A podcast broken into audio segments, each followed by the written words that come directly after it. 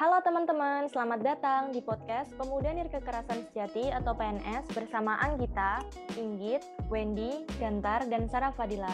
Nah, pada podcast kali ini, kami berlima akan mengulik lebih jauh tentang isu yang dekat sekali dengan kehidupan sehari-hari, yakni patriarki dan militerisme di ranah pendidikan. Beberapa bagian dari masyarakat mungkin masih enggan untuk mengangkat kedua isu tersebut, karena mereka khawatir akan mendapatkan pandangan buruk dari orang lain, dan bahkan ancaman yang acap kali didapatkan ketika mereka melaporkan. Oleh karenanya, melalui podcast kali ini, kami berharap dapat menyuarakan opini dari teman-teman sebelum kita bahas lebih lanjut mengenai isu patriarki dan militerisme di ranah pendidikan. Pastinya kita perlu tahu dan paham apa sih yang dimaksud dari kedua isu tersebut. Patriarki sendiri sebenarnya membicarakan tentang sebuah sistem mengenai ide maskulinitas tertentu yang mendapatkan privilege sehingga andai kata individu tidak memenuhi standar maskulinitas tersebut, mereka akan termarginalisasi. Contohnya, kita sering banget kan mendengar seperti laki-laki aja yang harus bekerja, sedangkan yang perempuan seharusnya di rumah untuk mengasuh anak dan mengurus rumah tangga. Nah, apabila seorang laki-laki atau perempuan itu nggak seperti stereotip yang ada di masyarakat, mereka cenderung akan didiskriminasi. Kalau yang di ranah pendidikan nih, kita masih sering menjumpai bahwa yang seharusnya jadi ketua kelas, ketua MPK, bahkan ketua OSIS pun harus laki-laki, karena kadang perempuan dianggap tidak kompeten dalam mengatur anggota-anggotanya. Hal-hal yang kayak gitu tuh sebenarnya tergolong sama budaya patriarki. Selanjutnya, untuk pengertian dari militerisme di ranah pendidikan akan dijelaskan oleh Inggit. Beralih ke isu selanjutnya, yaitu militerisme dalam ranah pendidikan. Penting banget nih bagi kita untuk mengetahui apa sih sebenarnya militerisme itu. Militerisme sendiri dapat diartikan sebagai suatu pemahaman terkait ekspansi praktik-praktik berbasis militer ke ranah komunitas sipil. Adapun tujuan dari praktik militerisme adalah untuk memperoleh kepatuhan masyarakat dengan cara-cara kekerasan. Akibatnya, muncul pemahaman bahwa apabila suatu individu melanggar apa yang telah diperintahkan, individu tersebut berada pada posisi yang terancam. Dari pengertian ini, udah terlihat jelas ya bahwa praktik-praktik militer yang mengganggu kepentingan masyarakat sipil tidak seharusnya ditoleransi. Diperlukan upaya-upaya penolakan secara kolektif untuk mencegah masuknya ajaran-ajaran berbasis militer ke ranah sipil. Dalam bidang pendidikan, praktik militerisme tercermin dalam beberapa kasus seperti senioritas, serta metode pengajaran dengan menggunakan cara-cara koersif. Setelah mengetahui sekilas tentang kedua isu tersebut, sekarang kita mau berbagi cerita tentang pengalaman teman-teman yang udah sharing melalui G-Form. Oke deh, daripada nunggu lama-lama, yuk kita mulai sharing dari Dila. Nah, ini langsung aja ya. Kebetulan berdasarkan hasil sharing pengalaman teman-teman G-Form yang kami sediakan, ternyata masih banyak banget loh yang mengalami militerisme pendidikan ini, khususnya perundungan saat duduk di bangku sekolah dulu, baik dalam bentuk verbal maupun fisik. Ironisnya lagi, beberapa pengalaman dialami saat masih duduk di bangku sekolah dasar. Menurutku hal ini harus jadi perhatian sih, karena bayangkan bahkan di level anak sekolah dasar banyak di antara mereka yang berani untuk melakukan perundungan ke temannya sendiri. Ada yang dengan cara memukul atau sampai ngisengin orang lain. Nggak hanya di tingkat sekolah dasar, berdasarkan cerita teman-teman di setiap tingkatan sekolah pun ada praktik perundungan loh, baik SMP sampai SMA juga dan oknumnya pun beragam. Selain teman sendiri seperti yang sudah diceritakan sebelumnya, mayoritas oknum yang melakukan perundungan adalah senior ke juniornya. Dan hal ini menurutku karena senior punya kecenderungan kepemilikan kuasa terhadap juniornya. Tapi ternyata dari salah satu pengalaman teman kita juga, guru pun ada yang pernah melakukan tindak perundungan ke muridnya sendiri dan hal tersebut dalam bentuk fisik. Hal ini pun ironis juga ya menurutku, karena peran seorang guru yang seharusnya mencontohkan perilaku baik dan menghindari ada tindakan semacam itu di lingkup pendidikan malah menjadi seorang subjek yang melanggengkan, bahkan melakukannya secara langsung. Di samping itu, beberapa tindak perundungan yang dilakukan senior ke junior diselipkan di kegiatan sekolah dengan melantarkan bentakan dan makian dengan tekanan fisik seperti disuruh melakukan push up dan lain sebagainya.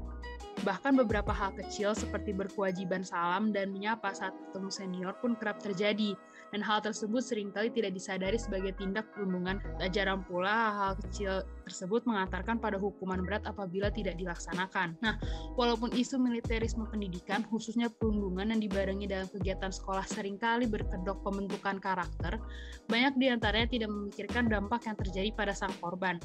Karena banyaknya tindak perundungan ini pun dilakukan oleh senior atau orang yang lebih tua, korban atau junior sering kali tidak dapat melawan karena memiliki kekhawatiran tersendiri diberikan sanksi yang lebih berat dan lebih menekan. Mereka memilih untuk diam dan tetap mengikuti perintah sang senior atau orang yang lebih tua tersebut.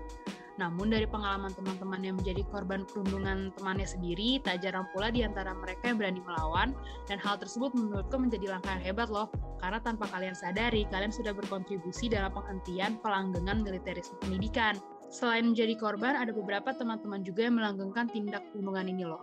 Beberapa di antaranya melakukan secara langsung, baik dalam bentuk verbal maupun fisik kepada juniornya dan temannya sendiri.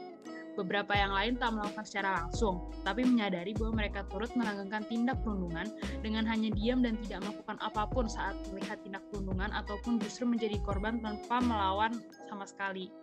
Namun tak sedikit pula dari teman-teman yang tidak menyadari apakah tindakannya itu tergolong tindakan perundungan atau tidak. Jadi isu militer pendidikan ini aku rasa masih banget perlu disosialisasikan bahayanya, biar teman-teman juga lebih aware sama tindakan kalian ke orang lain. Belum lagi dampak yang dirasakan para korban. Perundungan tuh bisa bawa trauma loh. Yuk, jadi kita spread love aja nih, not hate. Nah, kalau cerita dari Wendy gimana nih, Wen? Nah, kalau dalam konteks patriarki, berdasarkan respons yang diperoleh dari teman-teman melalui kuesioner singkat, kita menemukan sebuah kecenderungan kecenderungan nih dari responden untuk mengasosiasikan kultur patriarki yang selalu menyangkut tindakan diskriminatif kepada siswi sebagai korban dan siswa menjadi subjek yang diuntungkan. Hampir semua responden yang terlibat menggambarkan kultur patriarki sebagai relasi timpang antara kedudukan wanita dan pria yang diasumsikan memiliki privilege lebih baik dibandingkan wanita. Satu di antara sekian banyak pengalaman responden yang kita peroleh dan cukup ironis ketika membacanya adalah pelanggengan kultur patriarki yang dilakukan oleh seorang guru. Jadi nih, uh, salah satu teman responden gagal menjadi ketua kelas saat duduk di bangku SMP karena wali kelasnya percaya bahwa posisi ketua kelas akan lebih baik jika ditempati oleh seorang siswa. Cukup ironis ya teman-teman, ketika tolok ukur untuk menjadi seorang pemimpin hanya didasarkan pada aspek maskulinitas, alih-alih kualitas dan kapabilitas seseorang. Hal ini cukup membuktikan bahwa kultur patriarki dapat dilanggengkan oleh siapa saja, termasuk seorang guru yang seharusnya dapat mengayomi muridnya. Nah, kalau boleh aku generalisasikan lagi, respons teman-teman itu cenderung menyebutkan bahwa kultur patriarki melalui tindakan diskriminasi oleh suatu oknum terhadap siswi sehingga membatasi haknya dalam ranah pendidikan, seperti para siswi tidak memiliki akses untuk menjadi pemimpin ataupun berpartisipasi dalam aktivitas sekolah tertentu. Akan tetapi, di sini aku ingin mengajak teman-teman untuk lebih dalam lagi memaknai kultur patriarki itu sendiri. Sebenarnya, kultur patriarki itu tidak hanya menyangkut isu wanita versus pria, dalam konteks ini siswi versus siswa. Tetapi lebih tepatnya, kultur patriarki itu berhubungan erat dengan aspek feminim versus maskulin. Jadi, sadar atau tanpa disadari, sebenarnya terdapat standarisasi dalam kehidupan masyarakat terkait aspek maskulinitas.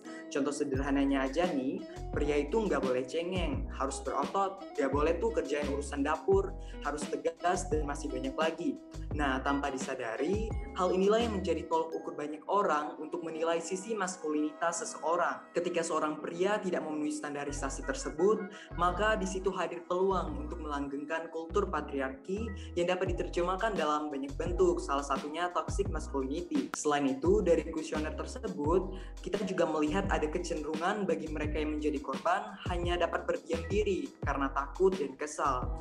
Akan tetapi teman-teman, ketika diam kalian aja belum mampu nih setidaknya meminimalisasi isu ini, maka kita harus bersuara untuk membuat dunia sadar bahwa patriarki bukanlah budaya yang pantas untuk dilanggengkan. Kalau cerita dari Gantar gimana? Oke, tadi kita udah melihat adanya jejak pendapat dari teman-teman mengenai pemahaman militerisme dan juga patriarki di sistem pendidikan. Nah, teman-teman pendengar setiap PNS kemarin juga sempat cerita-cerita nih tentang langgengnya kultur militerisme yang berbau patriarki di masa-masa indah sekolah mereka ini. Tapi di negeri kita yang tercinta ini, sistem pendidikan kita entah bagaimana jadi ladang subur budaya perundungan yang basisnya kultur militerisme. Yang awalnya dari cara sekolah mendisiplinkan siswa-siswinya juga, terus bercabang jadi model berinteraksi yang berdasarkan pada tingkatan kelas dan hierarki status antara senior sekolah yang menekan kelompok junior. Jadinya sering banget tuh fenomena perpeloncoan dan penjelasan anak SMP atau SMA yang masih freshman menjadi suatu budaya yang diwariskan dari masa ke masa. Kayak pelanggengan konsep militerisme di ranah kehidupan yang lain selain di kehidupan pendidikan fenomena strukturalisasi kehidupan sekolah ini juga nggak lepas dari yang namanya patriarki. Seperti yang udah diceritain Dila dan Wendy tadi, teman-teman yang sempat berbagi pengalaman dan cerita lingkungan sekolahnya pas masa SMP dan SMA ini juga berpendapat kalau model senioritas, perpeloncoan, perundungan, dan hukuman yang diberikan guru juga sebagian besar menunjukkan adanya sentimen gender. Baik dari teman-teman yang berpendapat misalnya kalau guru memberikan hukuman ke muridnya, pasti anak laki-laki yang mendapat sanksi lebih berat. Dan biasanya mengandalkan fisik, sedangkan perempuan akan lebih ringan dari laki-laki. Seperti misalnya kalau laki-laki terlambat harus lari dan push up misalnya sebanyak 10 kali sedangkan perempuan hanya setengahnya. Nah sebenarnya yang dipermasalahin itu bukan perkara jumlahnya sih tapi lebih ke perlakuannya yang udah secara langsung mengeneralisir perempuan yang fisiknya lebih lemah dari laki-laki Padahal kan belum tentu laki-laki juga kuat lari 8-10 kali. Ya kalau bisa hukuman model beginian harus disertakan alasan yang jelas. Nah selain masalah hukuman, yang paling memorable nih dan juga sebenarnya traumatis adalah tentang senioritas yang juga udah diceritain dari tadi. Banyak dari teman-teman juga punya pengalaman seperti ini dan dari polanya juga sama kayak guru yang ngasih hukuman tadi. Nah kalau misalnya anak laki-laki yang jadi target penindasan, biasanya yang kelihatan powerless, kebanyakan gaya, pasti ditantangin untuk berantem atau mungkin disuruh push up, pokoknya full fisik. Nah sedangkan kalau anak perempuan, biasanya modelannya dilakukan ditabrak sama seniornya yang merasa anak barunya tuh kecentilan dan lain-lain. Terus model bullyingnya kalau perempuan kebanyakan yang verbal, mungkin dengan menyebar gosip. Mungkin ada juga di satu kasus senior laki yang menindas adik kelas perempuan, baik juga anak perempuan jadi korban catcall atau mungkin kayak adik kelas dijadikan asisten pribadi dan jadi tugas suruh-suruh beli jajan pas istirahat. Sedangkan juga senior perempuan juga cuma bisa memberikan legitimasinya ke kalangan junior perempuan. Sedangkan kalau ada senior perempuan yang berusaha mendiktekan akar junior laki-laki, biasanya tidak langsung takut dan malah justru memberontak. Nah, begitu tadi cerita-cerita dari teman-teman yang udah merespon form dari kami. Tapi dari cerita yang udah disampaikan tadi ternyata mayoritas dari kita masih menghadapi patriarki dan juga militerisme di ranah pendidikan. Aku penasaran nih, kalau dari kalian sendiri bisa diceritain sedikit gak pengalaman dan juga kalau berefleksi di ketindakan diri sendiri nih pernah nggak sih kalau kalian tuh melakukan ataupun turut melanggengkan kedua hal tersebut? Silahkan Anggi. Kalau dari aku sendiri, jujur nih, sebenarnya aku pernah mengalami militerisme di ranah pendidikan dan bahkan juga turut melanggengkan praktik tersebut tepatnya waktu aku SMA. Saat itu aku ingin mendaftar salah satu ekstrakurikuler di sekolahku, tapi sebelum jadi bagian dari ekstrakurikuler tersebut harus ada wawancara dulu. Ketika aku masuk ke ruangannya, aku kaget karena aku kira wawancara atau sesi pengenalan diri itu bakal seperti wawancara pada umumnya. Ternyata enggak. Pertanyaannya itu menyudutkan aku seolah-olah apa yang aku jawab waktu itu dianggap salah. Terus mereka juga bertanya dengan ada tegas dan membentak, bahkan ada yang gebrak meja. Perasaanku waktu itu campur aduk antara terima nasib atau udah kayak mau nangis, tapi tetap aku jalanin sampai akhir. Nah, pas aku mulai naik kelas dan jadi senior, justru aku gantian yang waktu itu kedapatan posisi untuk ngewawancarai adik kelas yang mau masuk ke ekstrakurikuler ini. Treatmentnya sama kayak yang aku alami dulu, aku sama teman-teman aku juga ikutan ngebentak dan juga menyudutkan. Bener-bener pas itu bahkan ada adik kelas yang udah hampir mau nangis, tapi dia tahan. Itu sih dari aku yang sampai sekarang aku juga masih mikir-mikir dan bertanya-tanya kenapa dulu harus kayak gitu. Kalau dari teman-teman yang lain gimana nih? Inggit mungkin bisa ceritain pengalamannya. Aku sendiri jujur pernah ngalamin sih kedua masalah itu. Contohnya ketika jadi panitia salah satu event, itu kerasa banget sih seolah-olah apa yang udah kita kerjain itu salah di mata kakak kelas. Dan ketika berargumen pun selalu dipojokin. Dan iya sama kayak yang teman-teman udah sharing, aku pun ngerasa kesel dan gak terima atas perlakuannya tapi lagi-lagi yang muncul di pikiran aku tuh ya udah ini nasib aku jadi adik kelas yang nggak bisa ngelawan kalau ditarik refleksi nih, ternyata tindakanku yang nggak berani ngelawan, diem aja ketika mendapatkan perlakuan ini, justru melanggengkan praktik militerisme dan patriarki di ranah pendidikan. Karena nggak muncul perlawanan dari kita sebagai pihak yang tertekan, mereka jadi semakin parah ngelakuin tindakan perundungan ini. Jadi ternyata diemnya kita tuh sama sekali nggak membantu untuk mengubah keadaan dan justru mendukung pihak opresor. Nah, oke okay nih, kali ini kita udah dengar berarti refleksi pengalaman teman-teman terkait patriarki dan militerisme di ranah pendidikan. Sebenarnya banyak banget nih dari kita yang mengalami kedua isu tersebut, tapi mayoritas belum berani untuk melawan dan bahkan beberapa tindakan kita tanpa disadari justru turut melanggengkan adanya praktik patriarki ataupun perundungan di ranah pendidikan. Dalam hal ini, isu patriarki dan perundungan merupakan dua hal yang saling berkelindan. Dengan demikian, harapannya melalui podcast ini kita semua bisa berefleksi bersama-sama.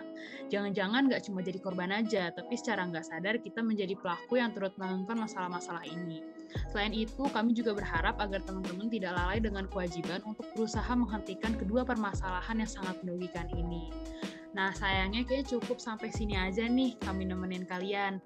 Thank you semuanya udah dengerin podcast kali ini dan terima kasih buat teman-teman yang udah berpartisipasi membantu proyek kami. Let's break the ceiling and create equality.